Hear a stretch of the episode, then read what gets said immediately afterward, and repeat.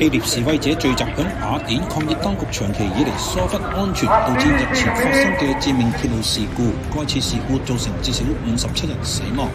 格魯吉爾議會爆發混戰，議員辯論有關議會安全的法律，得到咗多數黨籍支持反對派稱呢個代表咗當局反向專制。白俄羅斯法院判處该國著名人權倡導者、二零二二年诺贝尔和平獎獲得者之一。阿罗斯比亚利亚茨基十枚金金，意大利海岸警卫队响南佩杜萨岛海岸救出咗二百一十一名移民。上周有数十名移民因船沉没而死亡。SpaceX 龙飞船与国际太空站对接，将两名美国宇航员、一名俄罗斯宇航员同第二名前往太空航行嘅阿联酋宇航员